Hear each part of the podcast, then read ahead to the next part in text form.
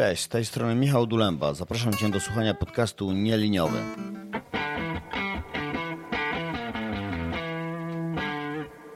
Będziemy tu rozmawiać o machine learning, programowaniu i zarządzaniu projektami korzystającymi ze sztucznej inteligencji. Jeśli pracujesz w tej branży, chciałbyś zacząć lub Twoja firma rozważa wykorzystanie tych technologii, jesteś w dobrym miejscu. Zapraszam Cię serdecznie.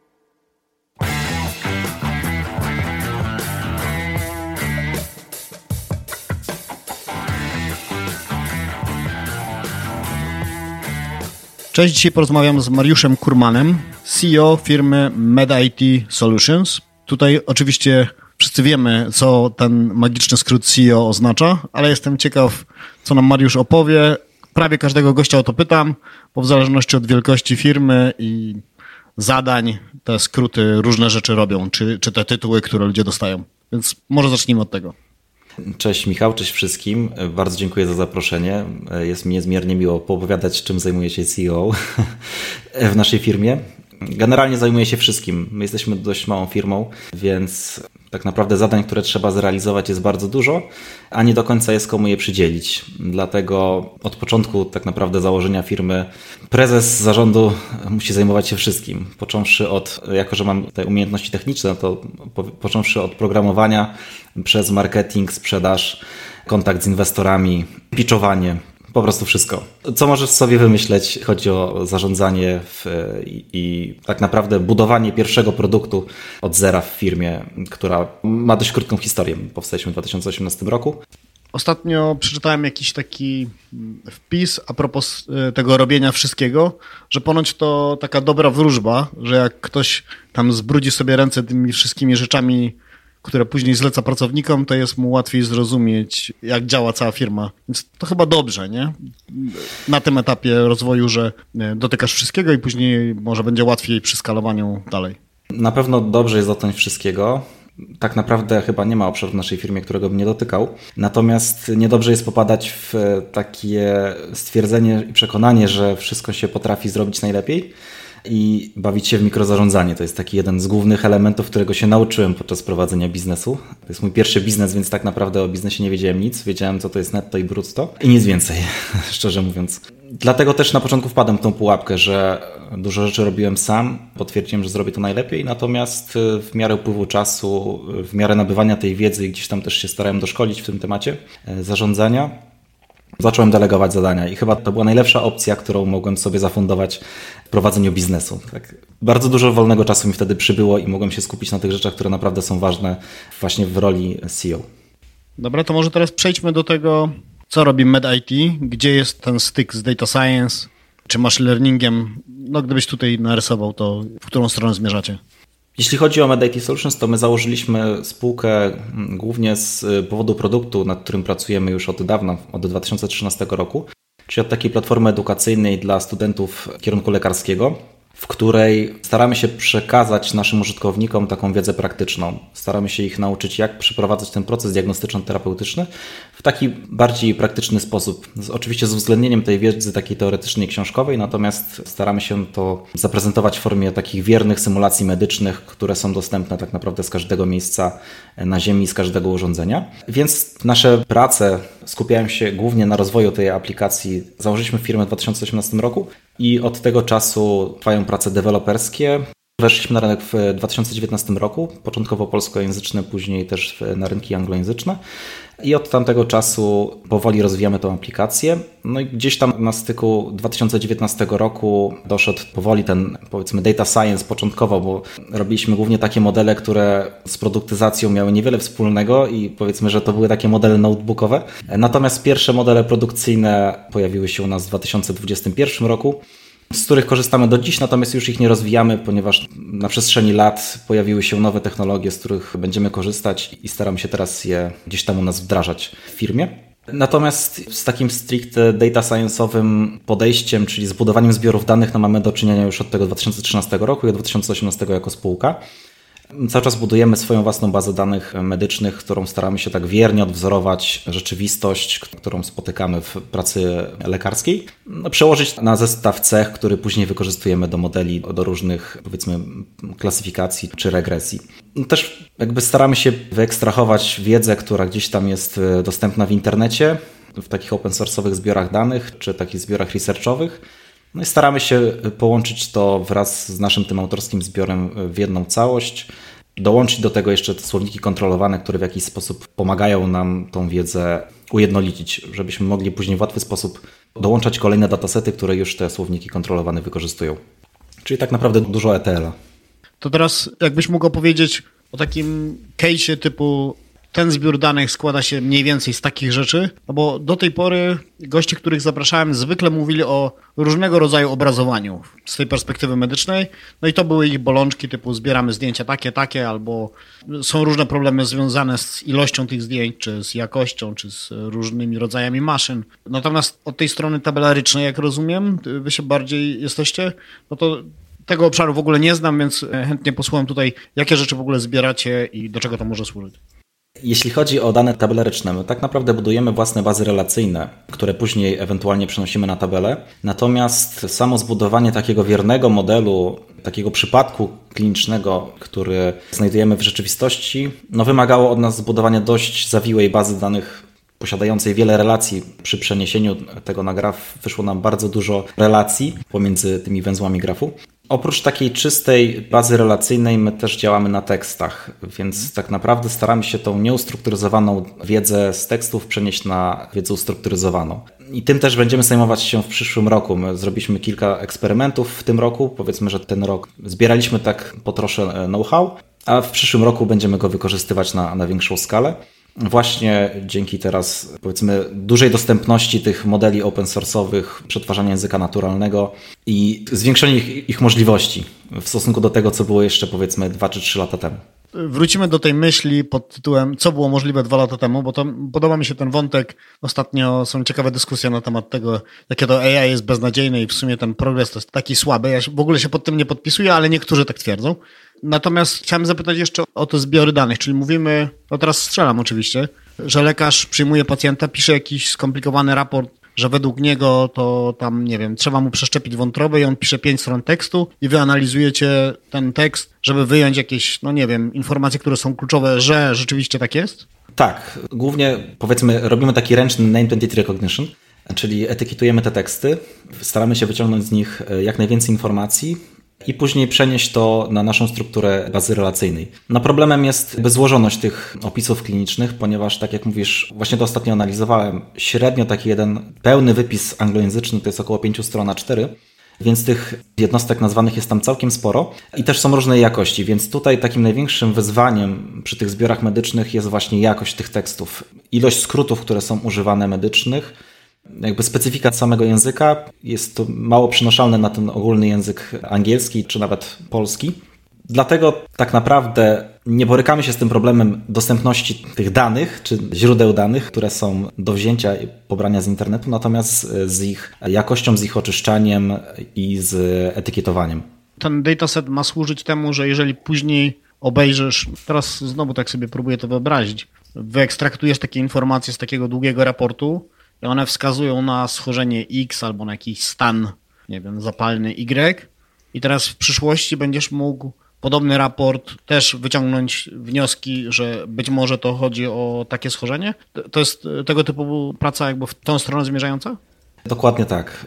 Jak już zbudujesz taki dataset, który będzie naprawdę dobry, wiarygodny i w miarę duży, to jesteś w stanie go wykorzystać do różnych zastosowań. My akurat na ten moment opieramy się stricte na edukacji, bo od tego zaczęliśmy i na tym chcieliśmy się skupić, natomiast od tej ścieżki edukacyjnej do ścieżki tak naprawdę wdrożeniowej w jakichś podmiotach medycznych nie jest już taka długa droga, bo te datasety są praktycznie takie same jeśli chodzi o przetwarzanie języka naturalnego, tak? I tutaj możemy stworzyć różne modele, tak jak mówiłeś, czyli model predykcyjny, jaka to jednostka chorobowa, na przykład na podstawie tych danych wejściowych. I teraz im bogatszy będziemy mieli ten nasz dataset, czyli im więcej będziemy mieli tych elementów opisujących jednostkę chorobową czy sytuację kliniczną, tym jesteśmy w stanie lepiej przewidzieć, tak, jaka to jest jednostka chorobowa, czy jakie zastosować postępowanie, czy jaką diagnostykę różnicową wdrożyć, bo mamy na przykład kilka jednostek chorobowych, które mają podobne e, objawy podmiotowe, przedmiotowe, mają podobne wyniki badań, czy nieprawidłowości w badaniach dodatkowych.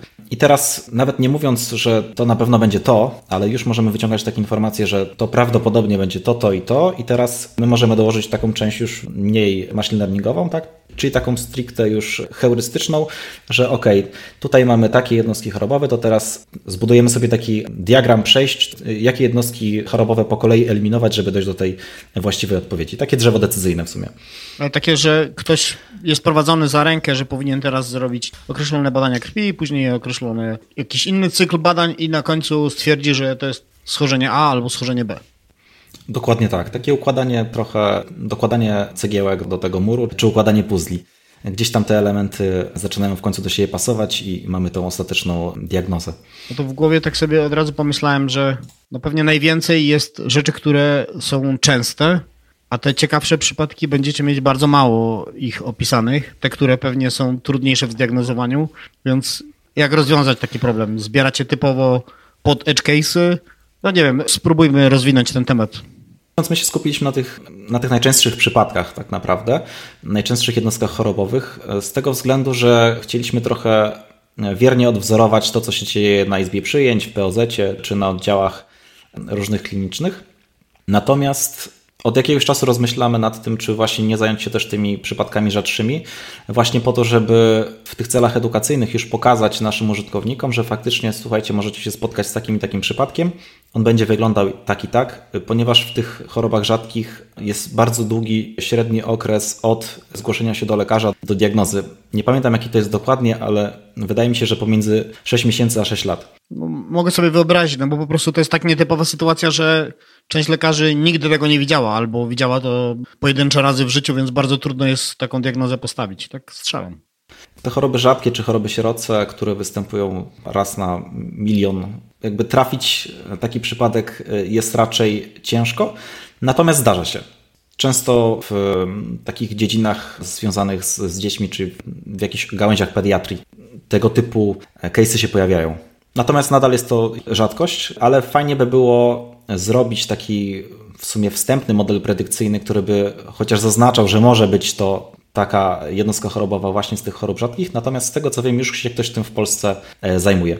A możesz zdradzić, ile potrzeba rekordów, żeby w ogóle zmierzać w taką stronę? To są tysiące, miliony tych otagowanych, onerowanych, żeby być w stanie takie drzewa tworzyć i podejmować te decyzje? Myślę, że to wszystko zależy od tego, ile etykiet tak naprawdę chcesz wyciągać, natomiast raczej są to dziesiątki i setki tysięcy, aniżeli tych tekstów naprawdę trzeba sporo opisać, żeby coś sensownego z tego uzyskać. Natomiast przy takiej małej ilości etykiet, powiedzmy 3 do 5, gdzie faktycznie jesteśmy w stanie tych jakichś małych zbiorów dostarczyć w rzędu 1000, daje już to jakieś, powiedzmy, dobre rezultaty. My przeprowadziliśmy taki eksperyment i Uzyskaliśmy F1 score na poziomie 0,7, tak średni F1 score na poziomie 0,7 dla tych trzech encji. Przy bardzo małej ilości tekstów wykorzystaliśmy chyba 500 sztuk w języku angielskim. Także jest to do osiągnięcia. Odpowiednia ilość danych i odpowiednia ilość rąk do pracy, które będą w stanie te teksty wyetykietować i można osiągnąć coś fajnego. Natomiast tak pytałeś, jakie jest moje spojrzenie na progres w porównaniu do 2-3 lata temu. Ja się 2-3 lata temu aż tak bardzo przetwarzaniem języka naturalnego nie zajmowałem, natomiast próbowałem różnych rozwiązań tych początkowych, czyli jakiś back of words, jakiś word to vec, doc to vec i tak dalej. Natomiast teraz te możliwości, które dają nam transformery są no nieporównywalnie większe niż dawały te początkowe modele językowe.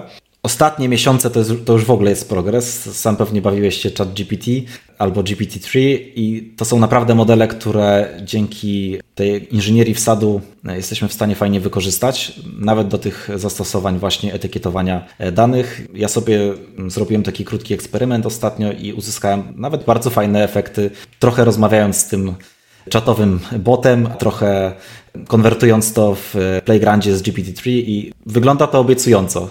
Co ciekawe, przy tym etykietowaniu, przy tworzeniu takich promptów, Pomyliłem się parę razy w indeksach słów e, i on też się tego nauczył, żeby się mylić, więc całkiem ciekawe spostrzeżenie ja byłem zaskoczony, jak zobaczyłem takie zastosowanie, że ktoś wkleił kawałek tekstu i poprosił, no to teraz ułóż do tego pytania, albo to znajdź najważniejsze fragmenty w tym tekście, czyli tak, te rzeczy, które normalnie robimy tam, no powiedzmy, ilomaś poleceniami pytonowymi, ilomaś eksperymentami, no to GPT-3 daje ci to w sumie tak out of the box, że jest gdzieś to już nie, mocno wstrzyknięte do środka tych umiejętności. Też mnie to mocno zaskoczyło, że, że można tak robić. Tak, my teraz trochę eksperymentujemy właśnie z GPT-3 na zasadzie szukania tego optymalnego promptu. Tak jak mówisz, te zastosowania znajdź najważniejszy punkt, czy znajdź kilka najważniejszych punktów, wypisz mi to w formie checklisty, jest naprawdę fajną opcją. Bardzo dużo można z tego zrobić. Oczywiście w pewnych sytuacjach model się gubi, natomiast to też wszystko zależy od datasetu. Na pewno fine tuning tych modeli jest konieczny. Po naszych analizach do zastosowań takich stricte medycznych, żeby ta wiedza, którą w jakiś sposób będziemy generować z tych modeli, była naprawdę wiarygodna i żebyśmy mogli jej użyć i nie bali się jej użyć w, w praktyce. No a propos tego bania się, to też przewija się taka dyskusja pod tytułem bezpiecznego AI i tego, czy tam wspomagasz lekarza, żeby on więcej przypadków codziennie był w stanie obsłużyć, czy to jest taka telemedycyna z cyklu wchodzę na stronę, zaznaczam 20 checkboxów, a no to jestem chory na to i teraz mogę sobie tam kontynuować po mojej stronie dalszą diagnozę albo dalsze badanie, cokolwiek. To w którą stronę idziecie? Czy ewentualnie w ogóle myśleliście, gdzie, gdzie w tym spektrum różnych podejść Wam będzie najwygodniej? Do kilku z tych podejść mam ograniczone zaufanie.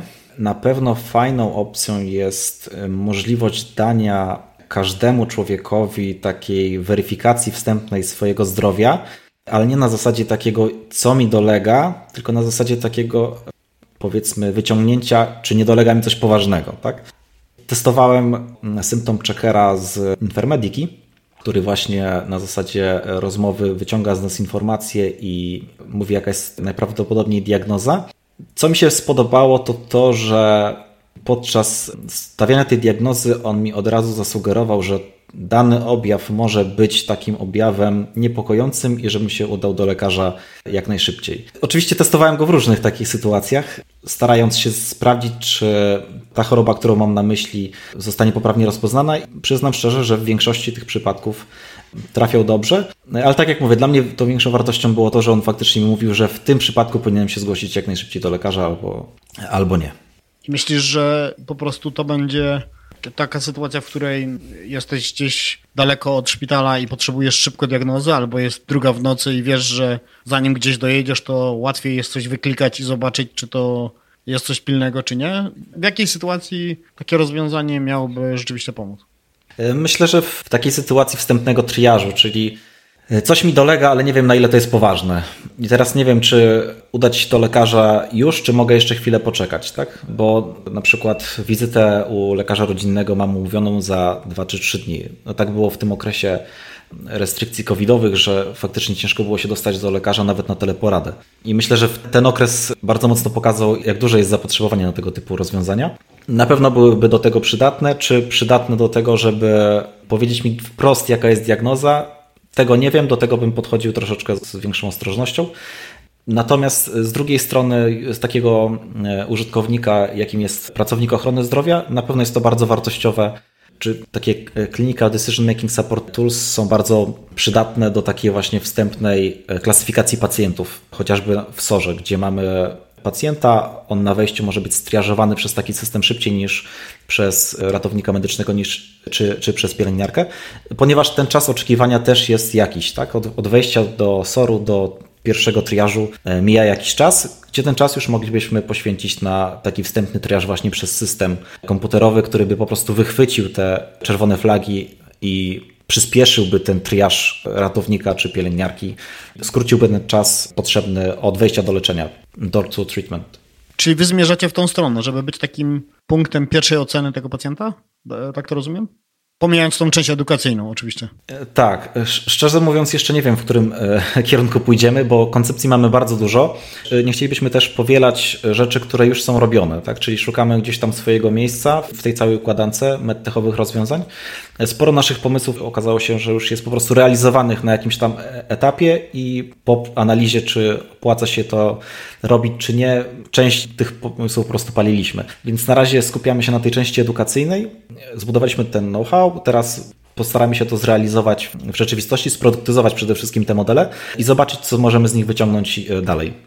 Natomiast cały czas z tyłu głowy mamy te rozwiązania e, medtechowe, nad którymi chcieliśmy pracować, czy moglibyśmy pracować. No to zapytam Cię jeszcze tak, czy jak rozmawiacie ze studentami, to oni raczej już mają takie podejście do tego, nazwijmy to ładnie AI, y, otwarte z cyklu, rzeczywiście ten system będzie mi pomagać, będzie mi łatwiej, będę efektywniej pracować na cokolwiek, czy raczej takie podejście, no takie zachowawcze z cyklu, no nie jestem pewien, czy mogę temu ufać, w sumie ja wiem lepiej. To takie, które być może jest częstsze u osób z większym doświadczeniem, które komputery może trochę mniej lubią. Ja myślę, że tu chyba jest, takim głównym problemem chyba jest brak edukacji w ogóle w, w tym obszarze sztucznej inteligencji w zdrowiu. Szczerze mówiąc, to w ogóle w środowisku lekarskim czy w środowisku pracowników ochrony zdrowia wszystkich chyba jest takie przekonanie, że trochę te komputery chcą wyprzeć ich z, z pracy, co w mojej ocenie jest niemożliwe. Podczas takich rozmów zawsze przytaczam taki post z Twittera. Nie pamiętam, kto był jego autorem, ale e, lekarz, który w tam chyba 1970 roku powiedzieli mu na studiach, że komputery zaraz ich zastąpią, a on chciał robić radiologię, więc stwierdził, że w takim razie zajmie się badaniami medycznymi. Jest rok 2021, a komputery nas nie zastąpiły, także Chyba jest po prostu brak tej świadomości, do czego te rozwiązania w ogóle miałyby służyć, jak one wyglądają, jaki może być tego pożytek skorzystania z nich na co dzień. Myślę, że tutaj przydałby się jakiś taki czy kurs, czy przedmiot na studiach, który mówiłby już o tych e, nowoczesnych technologiach w medycynie. Z tego, co się orientuję, w Stanach Zjednoczonych wprowadzili, e, nie wiem czy na wszystkich uczelniach, e, czy to jest tylko na wybranych, ale studenci kierunku lekarskiego uczą się właśnie o zastosowaniach sztucznej inteligencji w medycynie, więc wiedzą trochę więcej, z czym to się je. I się chyba tego nie boją tak wtedy. Jakiś czas temu rozmawialiśmy o tym, że to labelowanie to jest niezłe wyzwanie i że też pracujecie nad budową teamu do tego. Jesteś w stanie tutaj opowiedzieć więcej o tym? No bo to podejrzewam, że to jest, jak już masz dane, to łatwo zrobić klasyfikator, ale większość pracy jest pewnie poświęcona na, na to przygotowanie ich. Myślę, że 95% czasu to jest e, etykietowanie danych, czy w ogóle budowa datasetów. Na pewno jest to zadanie żmudne, czasochłonne, wymagające bardzo dobrych e, reguł. E, ponieważ jest dużo nieścisłości. Często się zdarza tak, że te same słowa mogą mieć dwa czy trzy znaczenia, i teraz trzeba zdecydować, które, którą labelkę akurat w tym przypadku lepiej użyć. Co też pewnie jest później problematyczne dla samych e, modeli, które spotykają się właśnie z tym samym przypadkiem i gdzieś tam na podstawie tego kontekstu muszą wnioskować, co to jest. I tak jak mówisz, Jeden tekst ma około 4-5 stron A4. Jest to bardzo dużo tekstu, bardzo dużo e, skrótów. I teraz, jeżeli etykietujemy dane e, anglojęzyczne, to też e, te osoby etykietujące muszą znać się na tym, na tym języku angielskim medycznym. A jeżeli etykietujemy w języku polskim, to też te dane musimy skądś mieć, więc jeżeli wykorzystujemy jakieś dane z tłumaczeń, no to też jaka jest jakość tych tłumaczeń? Czy tam na pewno zostało wszystko dobrze przetłumaczone? no, jest sporo tych wyzwań. Ale to rozumiem, że taka osoba, która labeluje dane, musi być specjalistą w dziedzinie. Nie może być po prostu osobą, która będzie zaznaczać kawałeczek tekstu i tak mechanicznie jakby przejdzie przez ten proces. Do tego typu zadań warto jest zatrudniać osoby, które mają jakieś doświadczenie w danej dziedzinie, czyli jeżeli to są teksty medyczne, to warto, żeby ta osoba jednak była w jakiś sposób związana z medycyną. I tutaj też są duże rozbieżności pomiędzy tymi tekstami, na przykład mniej specjalistycznymi i bardziej specjalistycznymi. Więc do tych mniej specjalistycznych można zatrudniać studentów, to jak najbardziej dadzą radę, e, studentów medycyny. Natomiast do tych bardziej specjalistycznych tutaj już jest wymagany jakiś support od osób bardziej doświadczonych, czyli lekarzy, którzy już w jakiś sposób w danej dziedzinie zdobywają doświadczenie w szpitalach czy w przychodniach. i rozumieją ten bardziej specyficzny język, bo ten język też medyczny właśnie różni się między specjalizacjami, co jest dodatkowym wyzwaniem. Nie zawsze osoba, która jest na studiach, no nawet po studiach, tylko na innej specjalizacji, rozumie to, co się dzieje u innego specjalisty.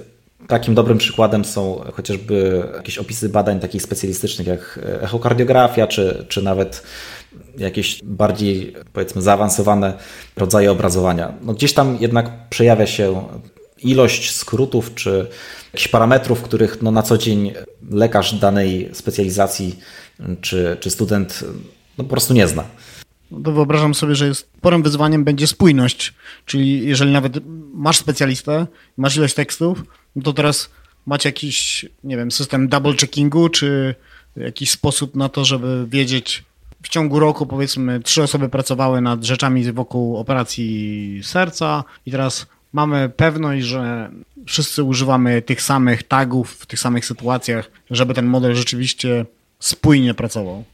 Podczas budowania naszych zbiorów danych zawsze mamy podwójną weryfikację, czyli pierwszą taką wstępną przez jedną osobę, później poprawki, znowu ta weryfikacja i na koniec jeszcze weryfikacja przez drugą osobę która jest niezwiązana z, powiedzmy, z danym tekstem. Nigdy go wcześniej nie widziała i wtedy weryfikuje, czy jakby to, co zostało tam wyciągnięte, jest na pewno tą informacją wiarygodną i poprawną. I chyba trzeba mieć taką podwójną weryfikację, ponieważ często zdarza się, że po pierwszej weryfikacji gdzieś tam jeszcze ta druga osoba, która pierwszy raz widzi ten tekst, e, znajduje jakiś błąd, tak? który gdzieś tam już mógł umknąć podczas tego podwójnego sprawdzania, czy nawet potrójnego przez tą pierwszą osobę. To jestem ciekaw jeszcze, bo ostatnio rozmawiałem z Natalią Strawą na temat takiej powtarzalnej pracy i ona akurat programowała roboty, które miały pomóc w pracy takich osób, które przepakowują paczki. No też można powiedzieć, że żmudna praca, która tam ludzi w pewnym momencie wypala i oni zmieniają miejsce pracy, bo ich to gdzieś tam psychicznie wypaliło. No jestem ciekaw, czy tacy specjaliści od Nera też docierają w takie miejsce, czy jeszcze nie mieliście takiego kłopotu, że ktoś już jest zmęczony tym, bo to jest raz, że żmudne, a dwa, trzeba być bardzo skoncentrowanym, żeby to robić dobrze, więc no nie, nie jest to prosty w gruncie rzeczy proces.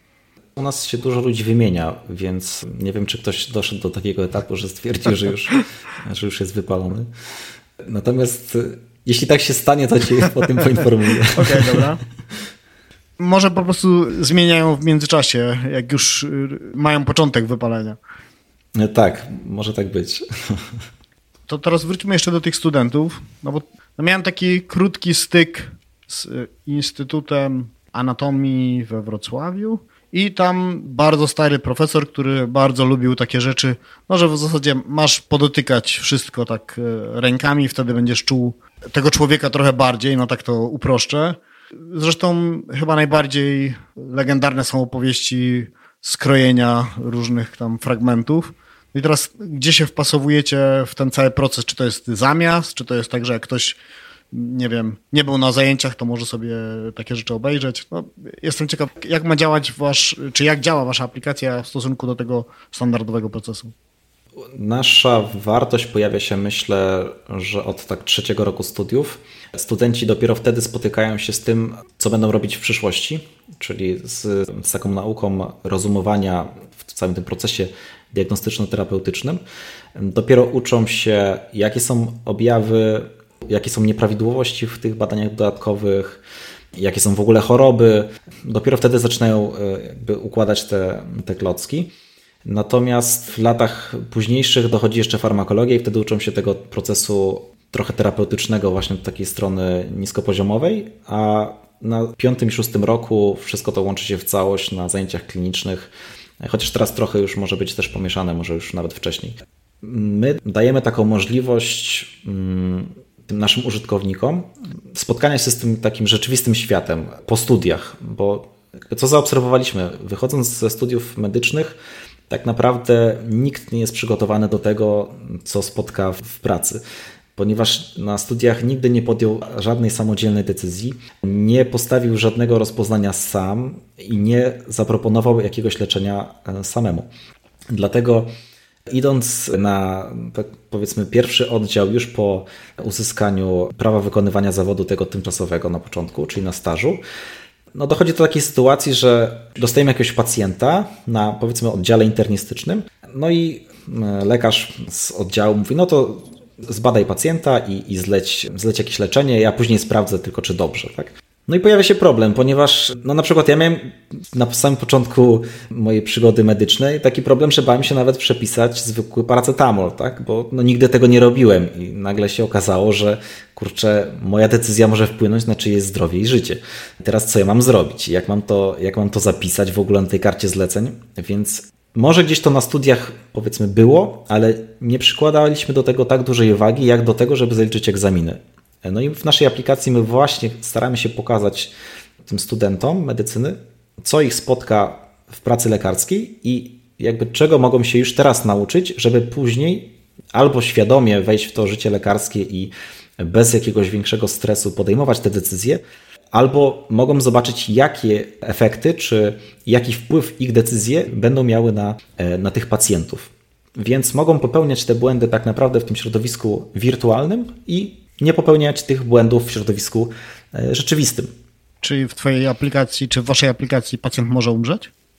E, tak, tak. Mamy tak w medycynie tak zwane przeciwwskazania bezwzględne, czyli na przykład wykonanie jakiejś procedury u pacjenta, który kategorycznie nie może mieć tej procedury wykonanej bo właśnie grozi to różnymi ostrymi powikłaniami, które nieraz mogą zakończyć się zgonem, więc u nas też takie sytuacje e, uwzględniamy. No zarówno e, stosując niedozwolone leczenie, czy w niedozwolonych dawkach, przekraczając dawki maksymalne, e, czy właśnie zlecając jakieś badania albo zabiegi niezasadnie. Tak? Przyznam, że miałem taki przeskok do. Obserwowałem kiedyś człowieka, który grał w grę, która polegała na. Być może jest znana, ja akurat nie miałem tej przyjemności trzeba było dobierać cechy szczepu jakiegoś, powiedzmy, wirusa slash bakterii, żeby wykończyć maksymalną ilość ludzi na świecie. No i tam e, miał być odporny na przykład na temperaturę, szybko się przekazywać albo szybko umierać. Fascynowało go to, że a tam, no jeszcze tylko na przykład Australia została. No i kombinował, e, co zrobić, żeby w samolocie przetrwała. E, więc podejrzewam, że. Tak, kojarzę. podejrzewam, że studenci też robią takie eksperymenty w waszej aplikacji. Tak strzelam. Myślę, że tak. W sumie fajnie było to zbadać, zobaczyć, czy ktoś faktycznie to, e, takie eksperymenty przeprowadza. Taką, myślę, wartością e, dużą tej aplikacji jest to, że na koniec takiej symulacji czy takiego przypadku my mówimy, co zostało wykonane prawidłowo, a co zostało wykonane nieprawidłowo, co jeszcze należałoby rozważyć, jaki wpływ miało postępowanie na pacjenta, czy on się czuje lepiej, czy tak samo, czy gorzej, oraz komentarz autora, który opowiada o tym przypadku e, nieco szerzej. Dlaczego na przykład takie badania tutaj powinniśmy wykonać, dlaczego takich nie, dlaczego takie leczenie, a, a dlaczego inne może, może niekoniecznie. Plus jest dyskusja, w której jakby możemy, czy użytkownicy mogą z nami porozmawiać i, i między sobą też podzielić się swoimi wrażeniami, czy właśnie zadać jakieś pytania, na które nasz zespół kliniczny chętnie odpowiada. No to jeszcze pomyślałem sobie tak w świecie filmowym, kiedy tak zwani filmowi lekarze leczą, często zauważają rzeczy, które są nieoczywiste, czy powiedzmy mogą być wskazaniem, które pomoże zdiagnozować, ale nie byłoby to coś ze standardowej listy do sprawdzenia. I czy, czy tak jest w realu, czy to jest tylko taka rzeczywistość filmowa i czy w waszej aplikacji myślicie o takich dodatkach? Nasze przypadki medyczne dzielimy na trzy kategorie: łatwe, średnie i trudne. Te łatwe są skierowane do tych osób, które gdzieś tam zaczynają dopiero tą przygodę, natomiast trudne są skierowane do osób, które mają e, powiedzmy jakieś doświadczenie, czy to w naszej aplikacji, czy w ogóle doświadczenie już w pracy zawodowej.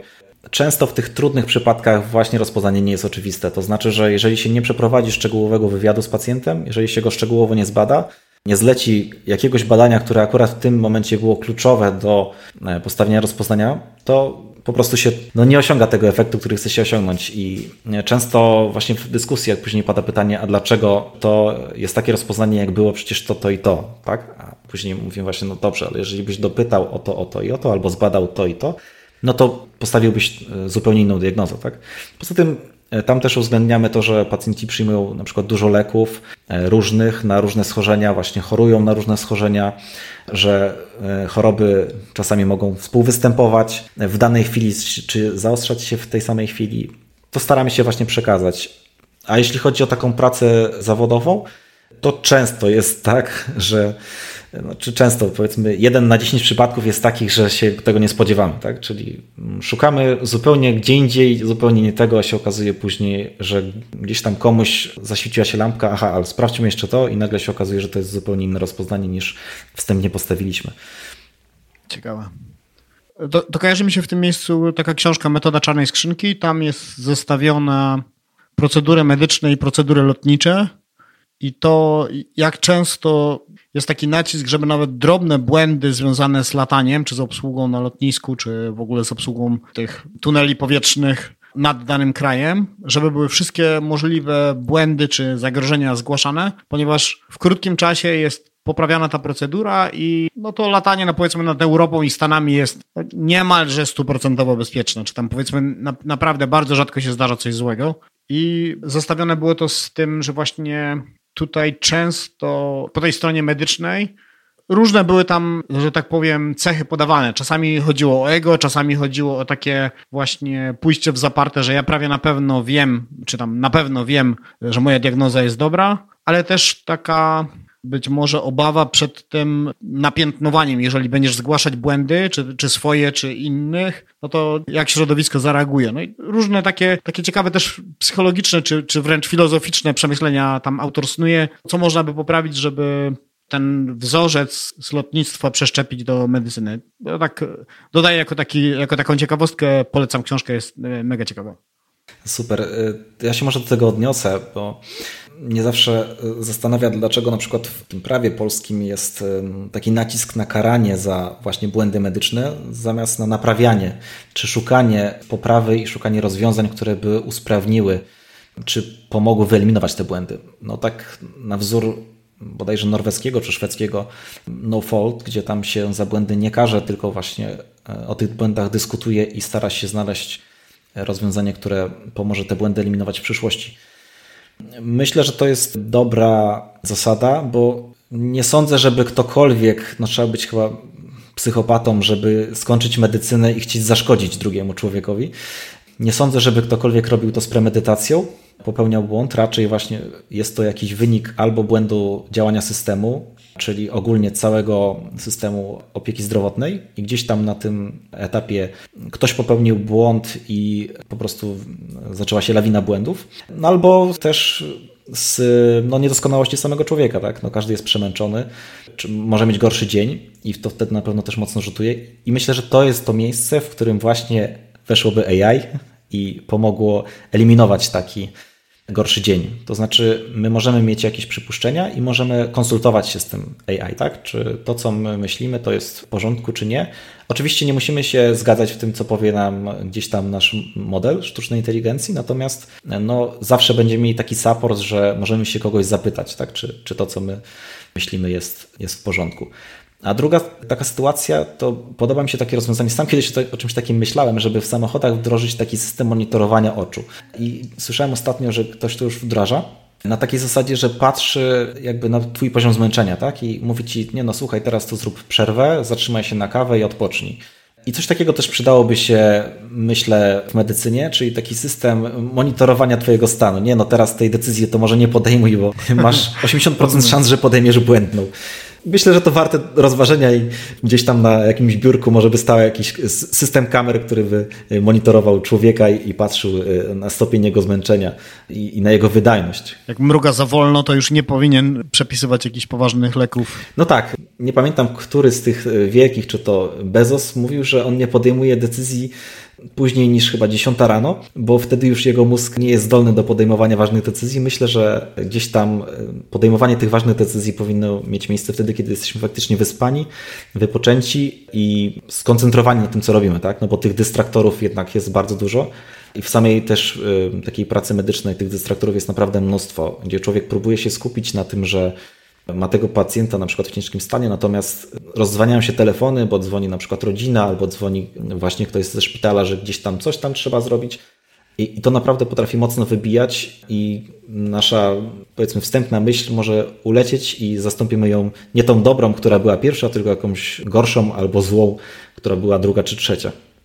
No ciekawe.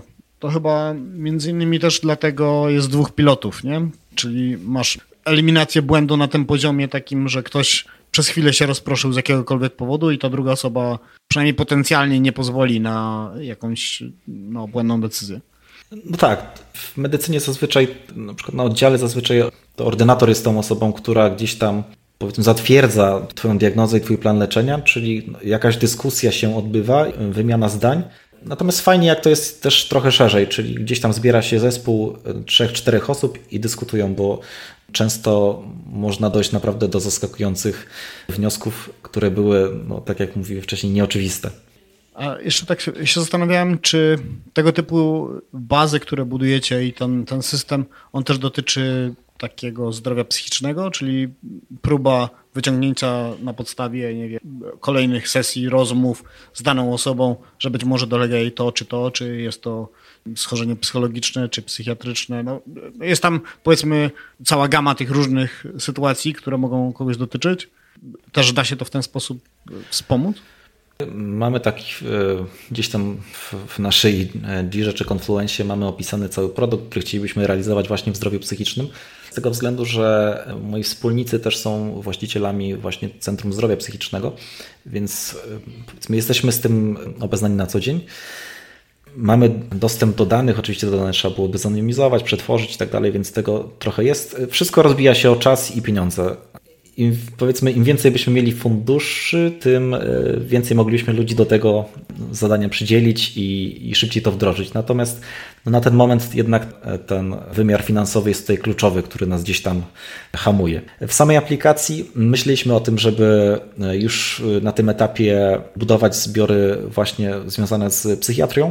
Natomiast to są bardzo specyficzne use cases i na razie jeszcze, dopóki nie zapełniliśmy tych takich właśnie częstszych rzeczy i dostępnych dla szerszej grupy odbiorców, to nie braliśmy się za, za to. Tym bardziej, że to na pewno będzie trudne, ponieważ no w psychiatrii główną rolę jednak gra wywiad z pacjentem, czyli ta rozmowa.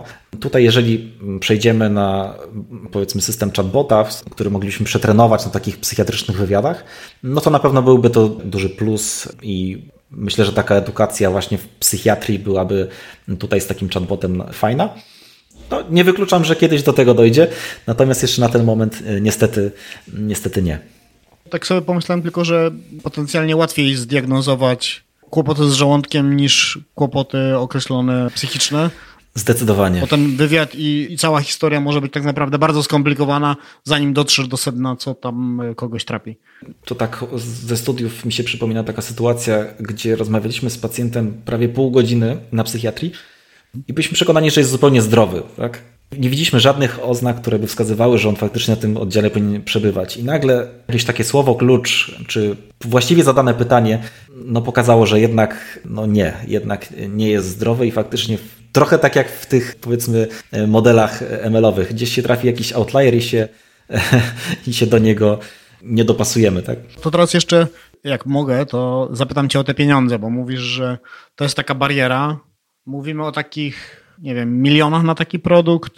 Jak się do takich rzeczy podchodzi? Czy to, to są projekty dla NCBR-u, czy trzeba mieć pięć venture capital, żeby podejść do takiego zagadnienia? Gdybyśmy mogli chociaż narysować mniej więcej skalę.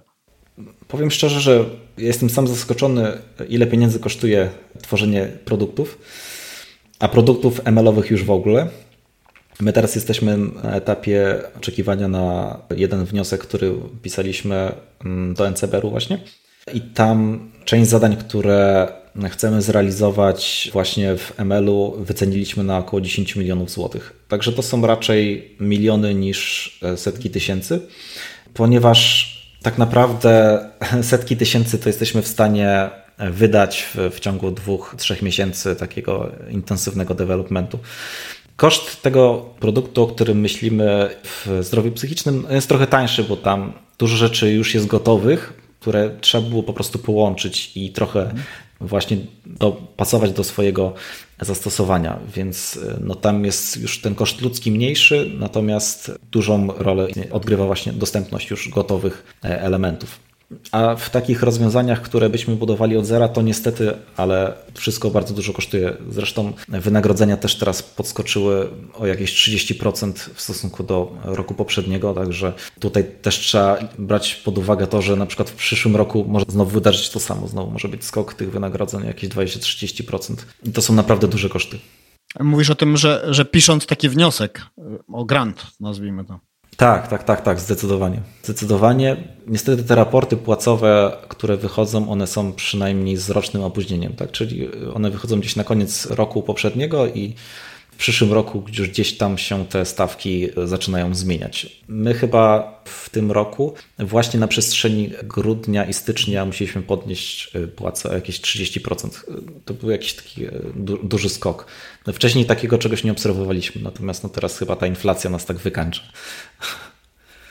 No ja, ja myślę, że inflacja i też trochę otwarcie Polski na, nazwijmy to, startupy z Kalifornii, które no mogą, ten przelicznik dolarowy pomaga im płacić trochę więcej, tak, takie mam przeczucie. No tak, tutaj głównie umiejętności język angielski wchodzą w grę. Jeżeli ktoś jest komunikatywny w języku angielskim, to naprawdę nie trudno znaleźć pracę gdzieś tam za granicą, ponieważ tych ofert jest bardzo dużo i no, na samym LinkedInie bardzo często HR-owcy atakują e, stawkami zagranicznymi. Także no myślę, że faktycznie to też ma duży wpływ, tak? że, że bardzo łatwo jest zdobyć tą pracę poza granicami Polski z zupełnie inną stawką. To jest w sumie ciekawy wątek, bo e, rozmawiałem tutaj jakiś czas temu o tym, że w sumie w takiej sytuacji musisz mieć jakąś na przykład, może misję to jest wielkie słowo, ale żeby przekonać takiego człowieka, żeby pracował dla ciebie za być może trochę mniej, ale ta, ta wizja, misja, jakieś rzeczy, które tam zagrają, nie wiem, na jego emocjach, wartościach,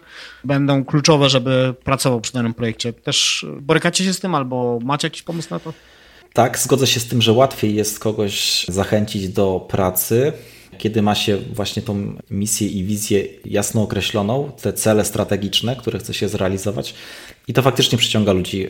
My teraz właśnie na potrzeby tego projektu z NCBR-u rekrutowaliśmy dodatkowe osoby i wcześniej próbowaliśmy zarekrutować osoby, nie pisząc o tym, czym się zajmujemy, właśnie jaka jest ta nasza wizja, co my chcemy osiągnąć. No i efekt był zerowy. To znaczy w ogóle spływały CV-ki, wiadomo, ale były osoby raczej nie z naszego kręgu zainteresowań.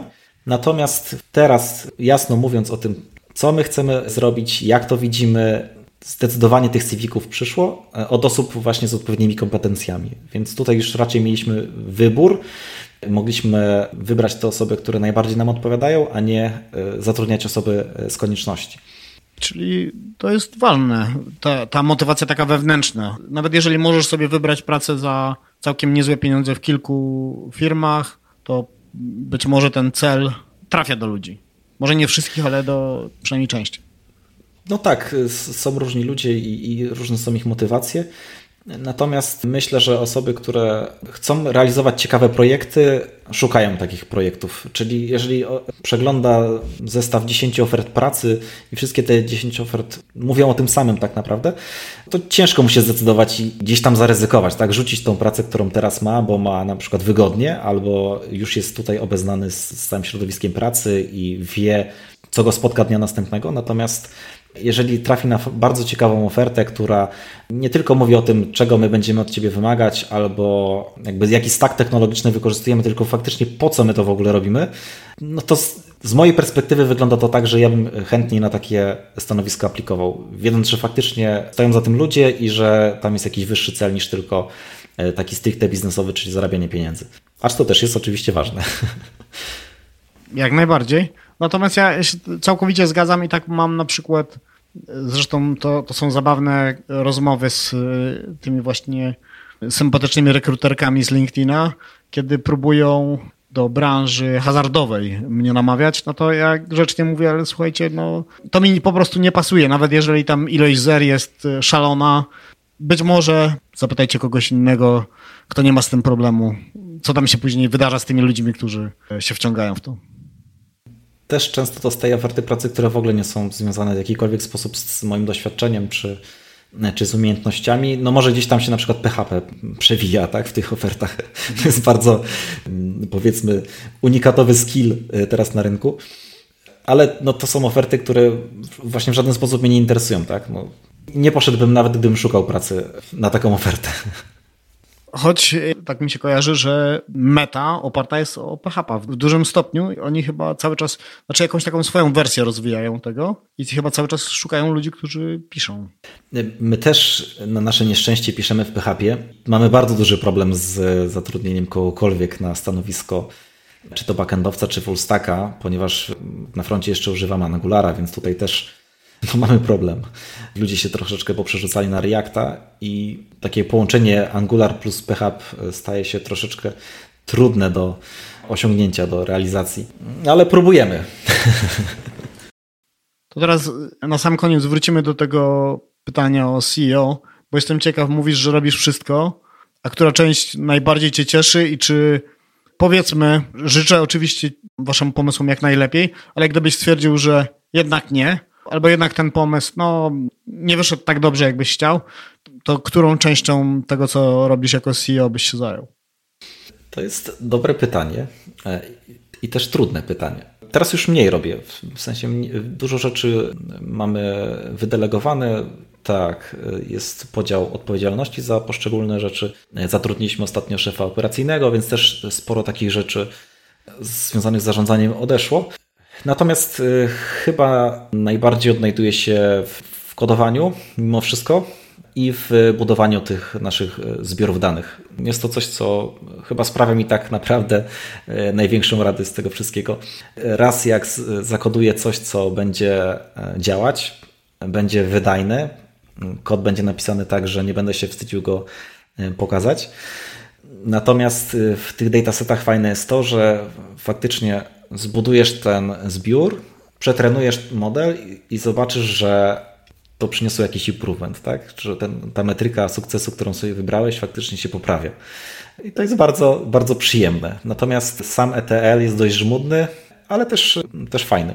Momentami, gdzie tam robimy jakąś transformację, która jest jakaś nieoczywista i, i faktycznie udaje się zrealizować tak e, w sposób trochę ifowy a trochę e, gdzieś tam wykorzystujące jakieś już algorytmy, które zostały stworzone przez kogoś innego.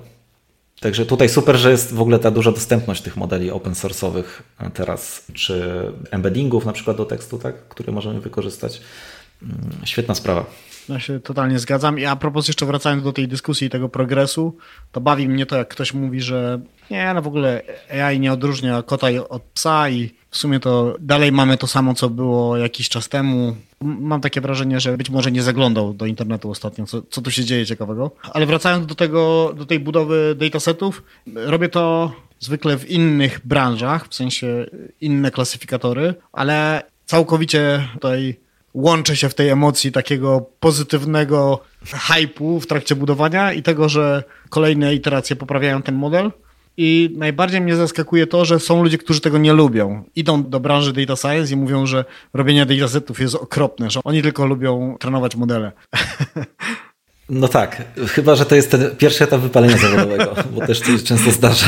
Możliwe, możliwe. Jak zaczynałem swoją przygodę z ML-em, to też mocno nastawiałem się na algorytm, tak? Że tutaj muszę z, znaczy zrobić najlepszy feature engineering, tak? Albo zbudować najlepszy model e, sieci głębokiej, która będzie po prostu kosmiczna. No i później się okazało dość boleśnie, że tak naprawdę to, co ja robię, czy to jest tam proste drzewo decyzyjne, czy jakaś zaawansowana sieć, to tak nie ma większego znaczenia. Jeżeli dane są słabe, to i wyniki są słabe, więc zacząłem przy, przykładać większą wagę jednak do, tych, do oczyszczania tych datasetów. Dopiero wtedy zrozumiałem, co to znaczy oczyszczać dataset, tak, żeby to zaczęło działać. Ostatnio miałem dokładnie to samo. Pracowaliśmy nad rotacją zeskanowanej kartki, która może mieć tam różne problemy wokół tego. No i też dokładnie ten sam temat, czyli no to użyjemy takich różnych magicznych rzeczy tutaj, żeby zadziałało, po czym dokładamy 5000 przykładów więcej, wszystko zaczyna działać cudownie całkowita magia jednak pracy nad danymi i takiego rozumienia, czego jeszcze model nie widział, żeby następnym razem było lepiej. Dokładnie. chyba ten use case biznesowy, tak? Czy w ogóle czego chcę, co my chcemy osiągnąć tym zadaniem? Jakie jest wymaganie od biznesu i jaki będzie tego koszt? Czy to się w ogóle będzie opłacało, tak? Czy możemy to zrobić prościej, nie wykorzystując w ogóle machine learningu? To, to jest, myślę, takie ważne zadanie do zrobienia, zanim się w ogóle zacznie budować te modele. No chyba, że ktoś po prostu buduje, bo chce zbudować, tak? Z takimi przykładami też się gdzieś tam spotkałem, że kogoś nie interesuje, co chce osiągnąć biznes, tylko go interesuje to, żeby zbudować ten model. Tak? Ja mam trochę inne podejście, tym bardziej, że wiem, ile to kosztuje. No jak mówisz, że 10 milionów na machine learning, to naprawdę daje to do myślenia. To na sam koniec cię zapytam jeszcze, w sumie obydwaj stwierdziliśmy, że ludzie, którzy mają te jakieś ideały w głowie, chętniej trafiają. Gdybyś miał jeszcze powiedzieć, co takiego, no nie, nie chcę powiedzieć idealnego, ale takiego trafionego pracownika dla was charakteryzuje, że jeżeli jakiś słuchacz słucha i myśli o szukaniu pracy, co według Ciebie jest kluczowe w tym momencie na rynku, bo to się też cały czas zmienia. Jeśli chodzi o kompetencje, to wiadomo, fajnie jak przychodzi osoba, która już wszystko umie, ale o to jest ciężko. Zresztą tak jak mówisz, ten postęp w ogóle w ML-u jest no, niesamowity. Dlatego miesiąc temu testowaliśmy Stable Diffusion tam bodajże 1.4 czy dwa miesiące temu, a już e, słyszałem, że ma wychodzić wersja 3 albo już wyszła, bo też ten podcast słuchałem, który ma już kilka e, tygodni, więc być może już się coś zadziało w tym temacie. Także tutaj te modele wychodzą naprawdę bardzo często, architektury się szybko zmieniają. Postęp jest niesamowity, tak samo ten chat GPT, który teraz wyszedł, no, robi ogromną różnicę, gdzie jeszcze parę miesięcy temu testowaliśmy GPT-3 i myśleliśmy, że to jest po prostu coś niesamowitego, tak? A tutaj wyszło coś, co jest jeszcze lepsze, powiedzmy, tam w pewnych use case'ach. A jeśli chodzi o ludzi, to patrzymy na to, czy ta osoba będzie pasowała do naszego zespołu, jakie ma nastawienie do pracy i, i jak jest zmotywowana, tak? Czyli czy motywują ją właśnie pieniądze, czy motywuje ich robienie czegoś fajnego wspólnie i chyba też takie podejście do innych osób, jeśli chodzi o, o taką wymianę wiedzy. Transfer wiedzy jest niezwykle ważny. Umiejętności komunikacyjne też są niezwykle ważne. Wszystkiego można się douczyć gdzieś tam w pracy. I teraz nawet przeprowadzając tą rekrutację też nie szukaliśmy osób, które już będą super biegłe w tych tematach. Warto mieć jedną osobę, która jest naprawdę biegła w tych powiedzmy obszarach, które chcemy realizować. Natomiast pozostałe osoby, które już nie będą tym lidem technologicznym, mogą mieć trochę mniejsze kompetencje albo ich w ogóle nie mieć i mieć w innych obszarach, bo wiemy, że one stransferują szybko do tego e, obszaru, jeśli tylko będą chciały, tak? I będą w tym uczestniczyły. Dlatego zawsze e, szukamy takich osób, które faktycznie są zmotywowane do tej pracy czymś innym niż, e, niż tylko pieniądze, tak? Że naprawdę chcą coś fajnego zrealizować, chcą się douczyć, czy przekazać komuś innemu wiedzę mówisz o tym, że powiedzmy chętniej zatrudnisz kogoś, kto ma zapał i wiedzę medyczną, żeby stał się przysłowiowym programistą czy NLP-owcem? W tą stronę ta strzałeczka, czy jak, jak dokładnie to rozumieć? Tutaj jest taki jeden duży problem, ponieważ sam przechodziłem tą drogę i w tę drogę i wiem, ile to wysiłku kosztuje i ile czasu. Dlatego, żeby z takim wykształceniem medycznym przejść na data science czy machine learning engineering trzeba się naprawdę trochę namęczyć e, i przede wszystkim rozumieć to, co się dzieje od takiej strony, powiedzmy, trochę matematycznej. Wiadomo, można nauczyć się wykorzystywać to, co już jest. Nie trzeba być świetnym programistą, żeby skorzystać z tych rozwiązań ML-owych. Myślę, że tutaj ważniejszy jest pomysł, jak z tego e, skorzystać. Natomiast e, jeśli chodzi o osoby, które chętnie byśmy zatrudnili, to na pewno takie, które mają już umiejętności w data science. Jakby my mamy też ten zespół kliniczny, który bardzo chętnie współpracuje z tymi osobami, tak? Więc tutaj ten transfer wiedzy jest na pewno bardzo, bardzo duży. Często się spotykamy i wymieniamy się tymi informacjami, których gdzieś tam nam brakuje w jakimś problemie. Są takie osoby, które mają też wykształcenie właśnie techniczne i wykształcenie medyczne, więc tutaj e, coraz więcej jest takich osób, co ciekawe na początku obserwowałem ten taki trend w Stanach Zjednoczonych, gdzie tam faktycznie chyba, już nie chcę strzelać procentem, ale jest bardzo duży procent rezygnacji w ogóle z zawodów medycznych na rzecz właśnie rozwijania się w tym obszarze technologicznym.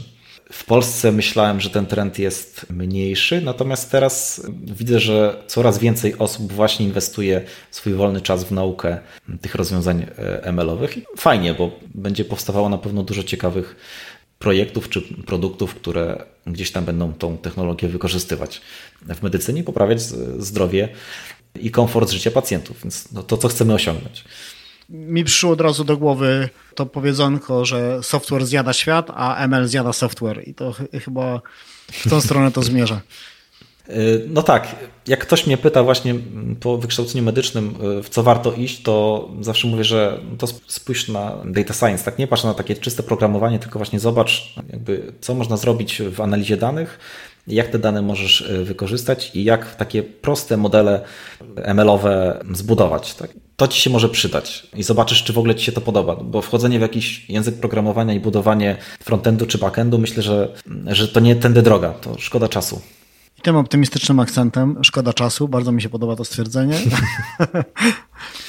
Podziękujemy słuchaczom za uwagę. Ja Tobie dziękuję za wywiad i te opowieści. Nie znałem zupełnie tego obszaru, więc chętnie dużo rzeczy y, z wersji hollywoodzkiej y, zobaczyłem w takim wiesz, realnym świecie. Dzięki jeszcze raz. E, super. Ja też bardzo dziękuję. Trzymaj się, cześć. Cześć.